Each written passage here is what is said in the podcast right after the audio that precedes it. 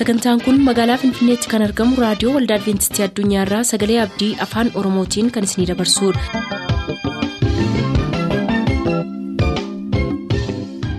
nagaan waaqayyoo isiniif haa ta'u hordoftoota sagantaa keenyaa akkam jirtu bakka jirtan hundaatti ayyaanni waaqayyoo isiniif haa baay'atu jechaa sagantaa keenyaarraa jalatti kan nuti qabannee isiniif dhiyaanu sagantaa fayyaaf sagalee waaqayyooti jalqabatti sagantaa fayyaatii ittiin eebbifama.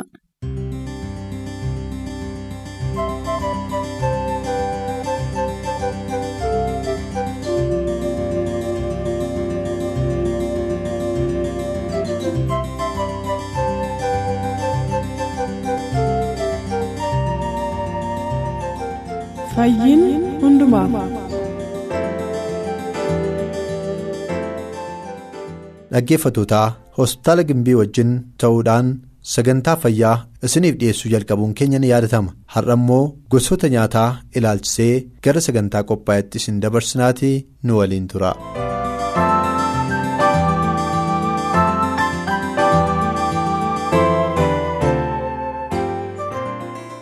In my home, we make shiro almost every day, but we use no oil and no butter. Mana koo keessatti shiroo yeroo hundumaati kan nuyi hojjetannu garuu shiroo hojjennu kanatti dhadhaa tokkollee ittiin fayyadamnu zayitiis tokkoyyuu ittiin fayyadamnu. We do this to protect our hearts from damage. Kunis egaati onneen keenya sirriitti akka inni eegamuuf yookiis fayyummaansaa akka eegamuuf akka inni hin barbadamneefidha kan inni nu gargaaru. But I like food that tastes good, and so we add tomatoes, onions, rosemary, spices, and herbs to our shiro. Shirootti egaati kan nuyi itti dabalannu timaatimii, qullubbii adii, qullubbii diimaa, urgooftuu yookiis qimamii garaa garaati kan nuyi itti fayyadamnee nyaannu. And sometimes, if we have guests, we add a little bit of oil, maybe two spoons. Yeroo tokko tokko garuu gaafa keessummaa qabnu mana keenya keessatti shirootti zayitii muraasa hamma maankiyaa lamaatti itti daballa. My student said to me, if we do not have oil or butter in the shiro, it will not be good. Barattoonni koo garuu akka isaan jedhanitti yoo yeroo shiroo hojjennu dhadhaadhaa fi akkuma kana zayitii ittiin daballu ta'e nyaachuudhaaf gaarii miti naan jedhu. Now I know it is difficult to change habits. Anis beeka egaa amala kana jijjiiruun baay'ee ulfaataadha yookiin salphaa miti. It can be done slowly. One day you put one fourth less, maybe half the uh, butter, and see is it still good? Egaati amala kana jijjiiruudhaaf guyyaa guyyaatti walakkaa isa duratti fayyadamaa turanii irrisaa irrisaa itti fayyadamaa yoo adeeman gaarii dheedhee yaada. If it's still good with half the oil, cut it in half again. Yoo itti fayyadamuun isaa barbaachisaadhuma ta'e walakkaa jalqaba gaafa duraa erga irristanii ammas gaariidha yoo ta'e ammas walakkaa irraa irrisaa jedheetiin itti hima. This will be good for your heart and your pocketbook. Kunis egaati akkuma onnee keessaniif fayyummaa isaa eeguuf gaarii ta'e qabeenyaa keessanii yookiis dinagdee keessan eeguudhaafis gaariidha hin dubbadha. One other thing that is good to know is that your body can adjust to new flavors and new ways. It takes time though. Kunis egaati qaamni keenya dhandhama sanatti baruudhaaf yeroo itti fudhata. They say about every two weeks, the surface of your tongue changes. It can learn to like new things. Kunis torban lamaa fi naannoon afaan keenyaallee wanta sanatti baruudhaaf hin jijjiirama yeroodhaaf haala duraa irraati haalli isaa. If you try less oil for long enough, maybe your body will like it. Yeroo baay'eedhaaf egaati hir'ibnee hir'ibnee yoo zayitiitti fayyadamaa adeemne qaamni keenya itti baraa adeema wanta sanatti.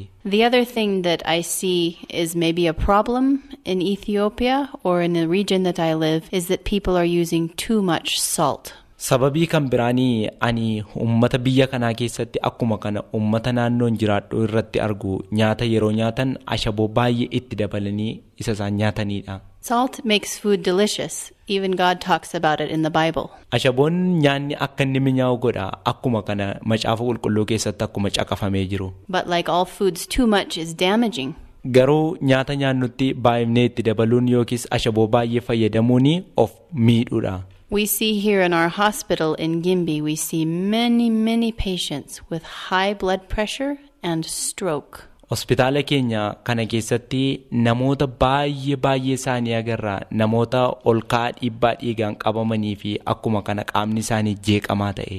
Stroke is like damage to the brain that makes it hard for the person to function. Dhiibboon dhiigaa gara sammuutti ol ka'u kun namoonni baay'een akka isaan sammuu isaanii dhabaniif sammuun isaanii dhiibbaa addaarraa akka inni bu'uufidha kan inni isaan qopheessu. So, just like with oil, if a person is eating too much salt and they like, they can cut down a little every day. Kanaaf egaa namoonni dhibee kanarraa of eeguudhaa fi ashaboodhaa fi zayitii yeroo itti fayyadaman yeroo yerootti hir'isaa adeemuun barbaachisaadha. Your body can adjust, soon your tongue will not mind that you are eating less salt. Arrabni keenyas dhandhammii isaa irratti akkuma kana keessi qaama keenyaas of qopheessaa adeema yeroo sana hir'isaa adeemnu dhandhammiin isaa yookiis nyaati nuyi nyaannu kuni. Do you have something to say concerning sugar? Wanta jettan kan biraa qabdu waa'ee sukkaaraa irratti. Yes, um, sugar that you buy in the store is a white food, and you know how I feel about white food. Dubbanneerra irratti sukkaarri kan inni bitamu suuqiidha. Akkuma kanas nyaata adiidha. Nyaata adiif ilaalchan qabus akkuma kana isinitti meera. Yes, sugar is a processed food.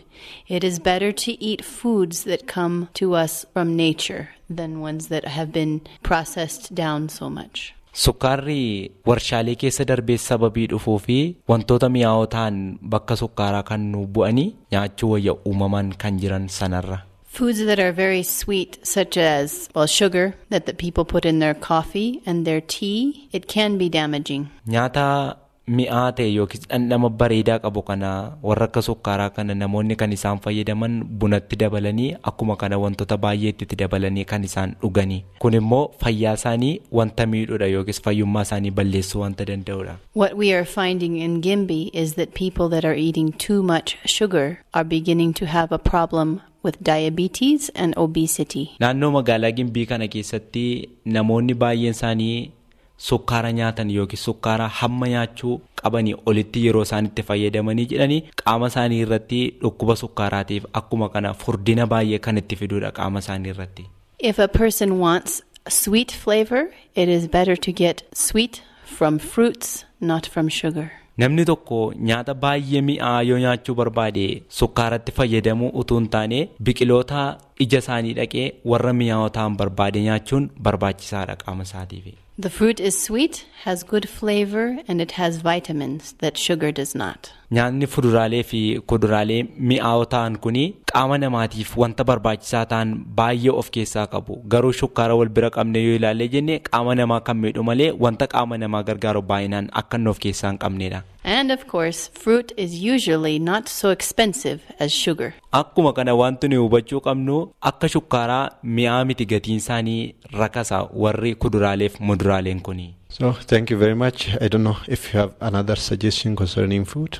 I guess what I would like to leave the audience with is don't eat too much of anything. Eat small amounts of many kinds. This is best. An dhaggeeffattoota nu dhaggeeffatan kanaaf yaadiin qabu yeroo nyaata nyaatanii nyaata nyaatan gosuma tokko baay'inaan nyaachuu hin taane muraasa muraasa isaa mataa mataa isaa irraatii wantoota nuyi amma isinitti dubbachaa jirru akka fudhattanidha. Don't eat injera, injera, injera. Buddeen yeruma hundumaa walitti fufiinsaan hin nyaatinaa. Eat bokolo and garbu and gamadi. Boqqolloo garbuudhaaf qamadii nyaadhaa. In this way, your body will get better nutrients than if you just eat one kind of food. Egaatii baay'ee barbaachisaadha. Nyaata gosa tokkicha nyaachuurraa akka kanatti waliin jijjiirree yoo nyaannee jennee qaamni keenya nyaata madaalamaa sirriitti argachuu sababii danda'uufi. Thank you for sharing your time with me today. Yeroo nu wajjin qabaattanii akka itti nuuf hirmaattan guyyaa kanaaf isin galateeffanna. We also thank you for uh, uh, sharing your golden time with us and for sharing this important message to our audience. Yeroo gaarii kana isinis fudhattanii ofii keessanii nu wajjiniin uummati keenya akka inni hubatuuf yaada kana sababii nuuf hirtaniif nus isin galateeffanna. I hope and believe we will have another time on another topic. Nan abdadha yeroo kan biraa isinii wajjiniin fudhadhee ofii kootii sagantaa kan biraa yookiis mata duree kan biraa irratti yaada kan biraa akkasiin nuuf hirtanii. Kabajamoota dhaggeeffattoota keenyaa sagantaa fayyaa ilaalchisee nyaatni qaama keenyaaf fayyadu maal akka ta'e nyaatni immoo qaama keenya miidhuu danda'u utuma nyaannuu quufnee utuu bullus garuu fayyaa keenyaaf kan hin taanee fi madaalamaa kan hin taane dhukkuba adda addaatiif kan nu saaxilan dhiifnee nyaatota fayyaa keenyaaf ta'an gatii salphaadhaan bitannee nyaachuu akka dandeenyuuf sagantaa nyaataa ilaalchisee kan nuyi isiniif dhiyeessaa turre kanumaan kan raawwatu yeroo ta'u akkuma. Yeroo dheeraadhaaf walii wajjin ilaalaa turre nyaata gosa tokko baay'inaan nyaachuurra nyaata gatiin isaanii rakasa ta'an gosa lama sadii nyaachuun barbaachisaa akka ta'eef walitti fufiinsaan nyaata gosa tokko nyaachuun qaama keenya keessaa waan hir'isaa deemu akka inni qabu keessumaa aadaadhaaf amala kan nutti ta'e nyaata akka kuduraalee fuduraalee tuffannee waan dhiifnu. Natti fakkaata isaan nuyi tuffannee dhiifnu kun garuu qaama keenyaaf isaan kaan caalaa barbaachisoo waan ta'aniif. Maallaqa keenya baay'ee isaa isaanitti baasuudhaaf yeroo keenya baay'ees kan nuyi wajjiniin fudhachuu qabnu ta'uusaa isin yaadachiisa nyaata fayyaa keessaniif madaalamaa ta'e kan waaqayyo naannoo keessanitti isiniif kennee fi kan maasii keessan irra jiru waliin madaaluudhaan itti fayyadamuudhaan qaama fayya buleessa ta'e akkasin horattan waamicha isiniif dhiyeessina keessumoota nu waliin turan guddaa galateeffachaa sagantaa fayyaa kan biraatiin amma wal arginutti nagaatti nu turaa isiniin jennaa turtii gaarii.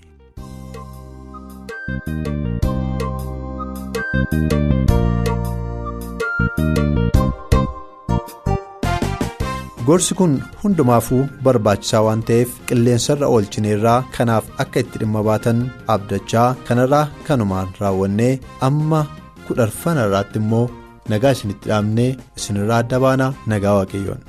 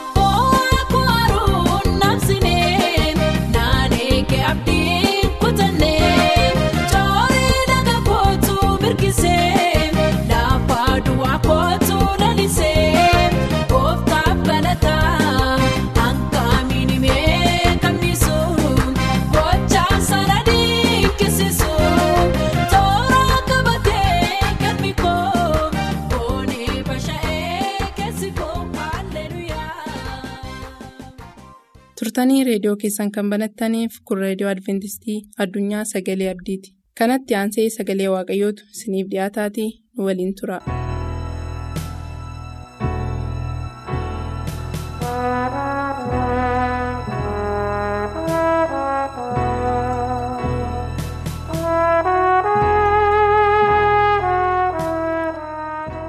Waaqayyoon waaqa keenya hin galateeffannaa attam jirtu dhaggeeffatoota keenyaa yeroo kana sagalee waaqayyoo keessaa walii wajjiniin ilaallaa sagalee waaqayyoo keessaa kan nuyi walii wajjiniin ilaallu waaqayyo ni arga jedha waaqayyo ni arga. Waaqayyo lafti hin argine wanti hin argine hin jiru. Hundumaa arga. Bakka hundumaa hubachuu danda'a bakka hundumaas ga'uu danda'a. Maqaan isaa galateeffama. Waaqni keenya iddoo fedhe yoo danne lafa fedhe yoo jiraanne wanta fedhe yoo goone ija isaa duraa dhokachuu hin dandeenye. Boolla keessas jiraanne bishaan keessas jiraanne lafa fedhe irra yoo jiraanne waaqni keenya achitti nu arga maqaan isaa galateeffamu. Lafa nuyi waan nuyi hojjennu hundumaa irratti lafa nuyi oollu hundumaa irratti eeggannaan isaa akka nu wajjiniin jiru iji isaas nu wajjiniin jiraata. Seera uumamaa boqonnaa 22 hunduma isaa yoo dubbifattanii Abrahaam mucaasaa tokkicha qabu waaqayyo akka inni aarsaa isaaf godhuuf. Akka inni isa afeeree ilaalla. Waaqni keenya waaqa jaalalaati. Waaqa nagaadha. Hangafa nagaa. Mootii bara baraati. Dhugumaan waaqni keenya waaqa nama gatus miti. Egaa Abrahaamiin lakkoofsa kudha afur boqonnaa 22 jechuudha. Seera uumamaa lakkoofsa kudha afur irraa yoo ilaaltan Abrahaam akka inni mucaasaa wareeguudhaaf harka isaa ol fudhate ilaalla. Abrahaam harka isaa yeroo ol fudhatu waaqayyo waaqni jaalalaa waaqni nagaa harka Abrahaamiin hin qabe yaa Abrahaam mucaa keerraan balaan geessisin ani kunoo kanan qopheesse as jiraa jedhee dubbate.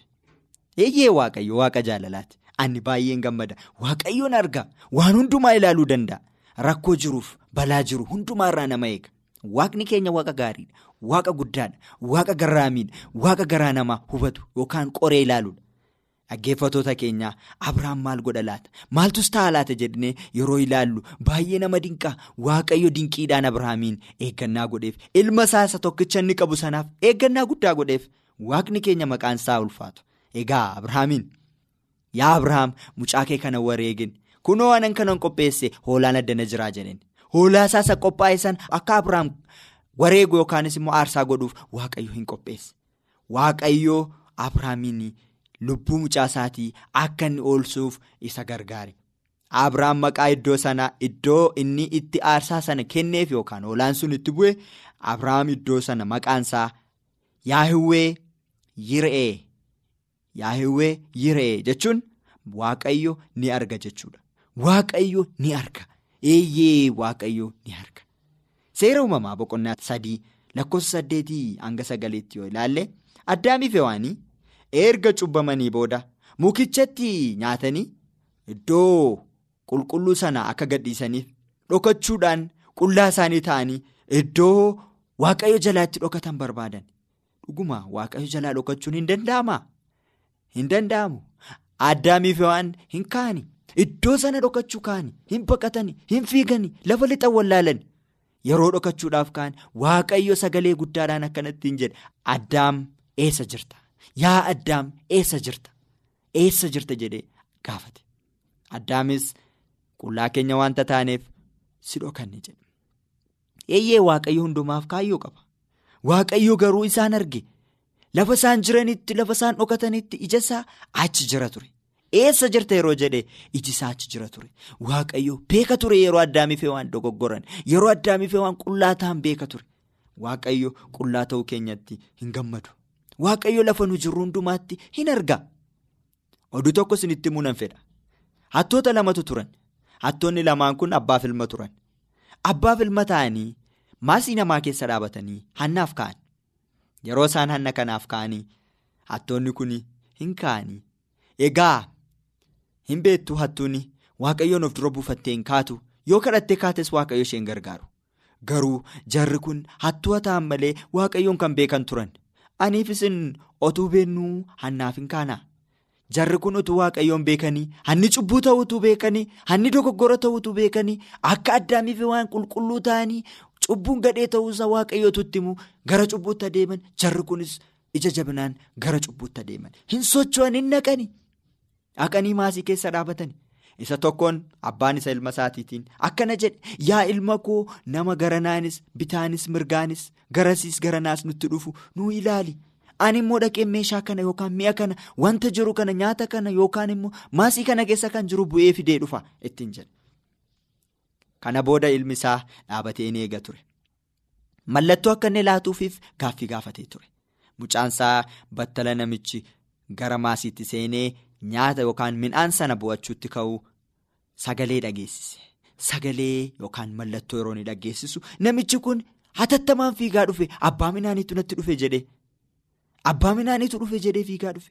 Eeyyee yaa abbaa koo abbaan midhaanii hin dhufne namni garanaas garasiis ilaalaan ture hin dhufne ati garuu iddoo tokko natti hin agarsiifne iddoo kana immoo yeroo hundumaa kan jiruudha. Innis gara gararraa gara gararraa yeroon ilaale nan sodaadhe nannee nan raafame iji isaan fuuldura jira nu argaa jira jedheen sodaadhe jedhee boo'ichaan itti dubbate. Hammam keenya kan waaqayyo na arga jennee yaadnu. Waaqayyo dhugumaan cubbuu keenya lafa nu itti hojjennu hundumaatti nu arga. Hin beeka. Hin hubata. Duukaa bu'ee nu hordofa. Saamu'eel isa tokkoffaa boqonnaa kudha ja'a lakkoofsa ja'aaf torba yoo dubbifattan waaqayyo Eliyaabiin hin fo'anne. Waaqayyo ijoollee Isseey keessaa isa saddeettaffaa isa xumuraa fo'ate. Innis daawwitiin ture. Sababni isaas waaqayyo garaa ilaala malee waaqayyo ijaan ilaalu fuulan ilaalu kan inni hubachuu danda'u kan inni arguu danda'u garaa keessa malee irra keessa miti. Waaqayyo garaa ilaala. Namni fuula ilaala waaqayyo garuu garaa keessa qoree ilaala. Ilaalaa waaqayyo nami biyya lafaa kana meeshaa gurguddaadhaan meeshaa baraatiin garaa namaa keessa kan jiru dhukkuba adda addaa ilaaluu danda'a. Garuu yaada garaa namaa keessaa hubachuun baay'ee rakkisaadha. Yaada garaa namaa keessa jiru ilaaluun baay'ee rakkisaadha. Waaqayyo garaa ilaala. Faarsaa soddomii afur torbarraa yoo ilaaltan waaqayyo ergamoonni waaqayyoo naannoo warra isa sodaatanii buufatee jira jedha. Naannoo warra isa jaallatanii buufatee jira jedha. Isaan hin ilaala, hin to'ata, hin ilaala, hin hubata jedha. Hin hordofa. Gargaarsas isaaniif kennuudhaaf waaqayyo achi jira. Maqaan waaqayyoo galateeffamu. Maatiyoos boqonnaa shan lakkoofsa saddeet irraa garaan isaanii kan qullaa'e kan galateeffamanidha. Isaan waaqayyoon arguuf jiru jedha. Garaan isaanii kan qullaa'e kan galateeffamani isaan waaqayyoon arguuf jiru. Waaqayyo nu arga. Isaan waaqayyoon argu warri qulqulloota ta'an warri isaa wajjin jiraatan seera uumamaa boqonnaa shan lakkoofsa digdamaa kaanee hanga digdamii afuriitti yoo ilaalle waa'ee henookiin ilaalla. Henook adeemsa isaa waaqayyo wajjin godhate.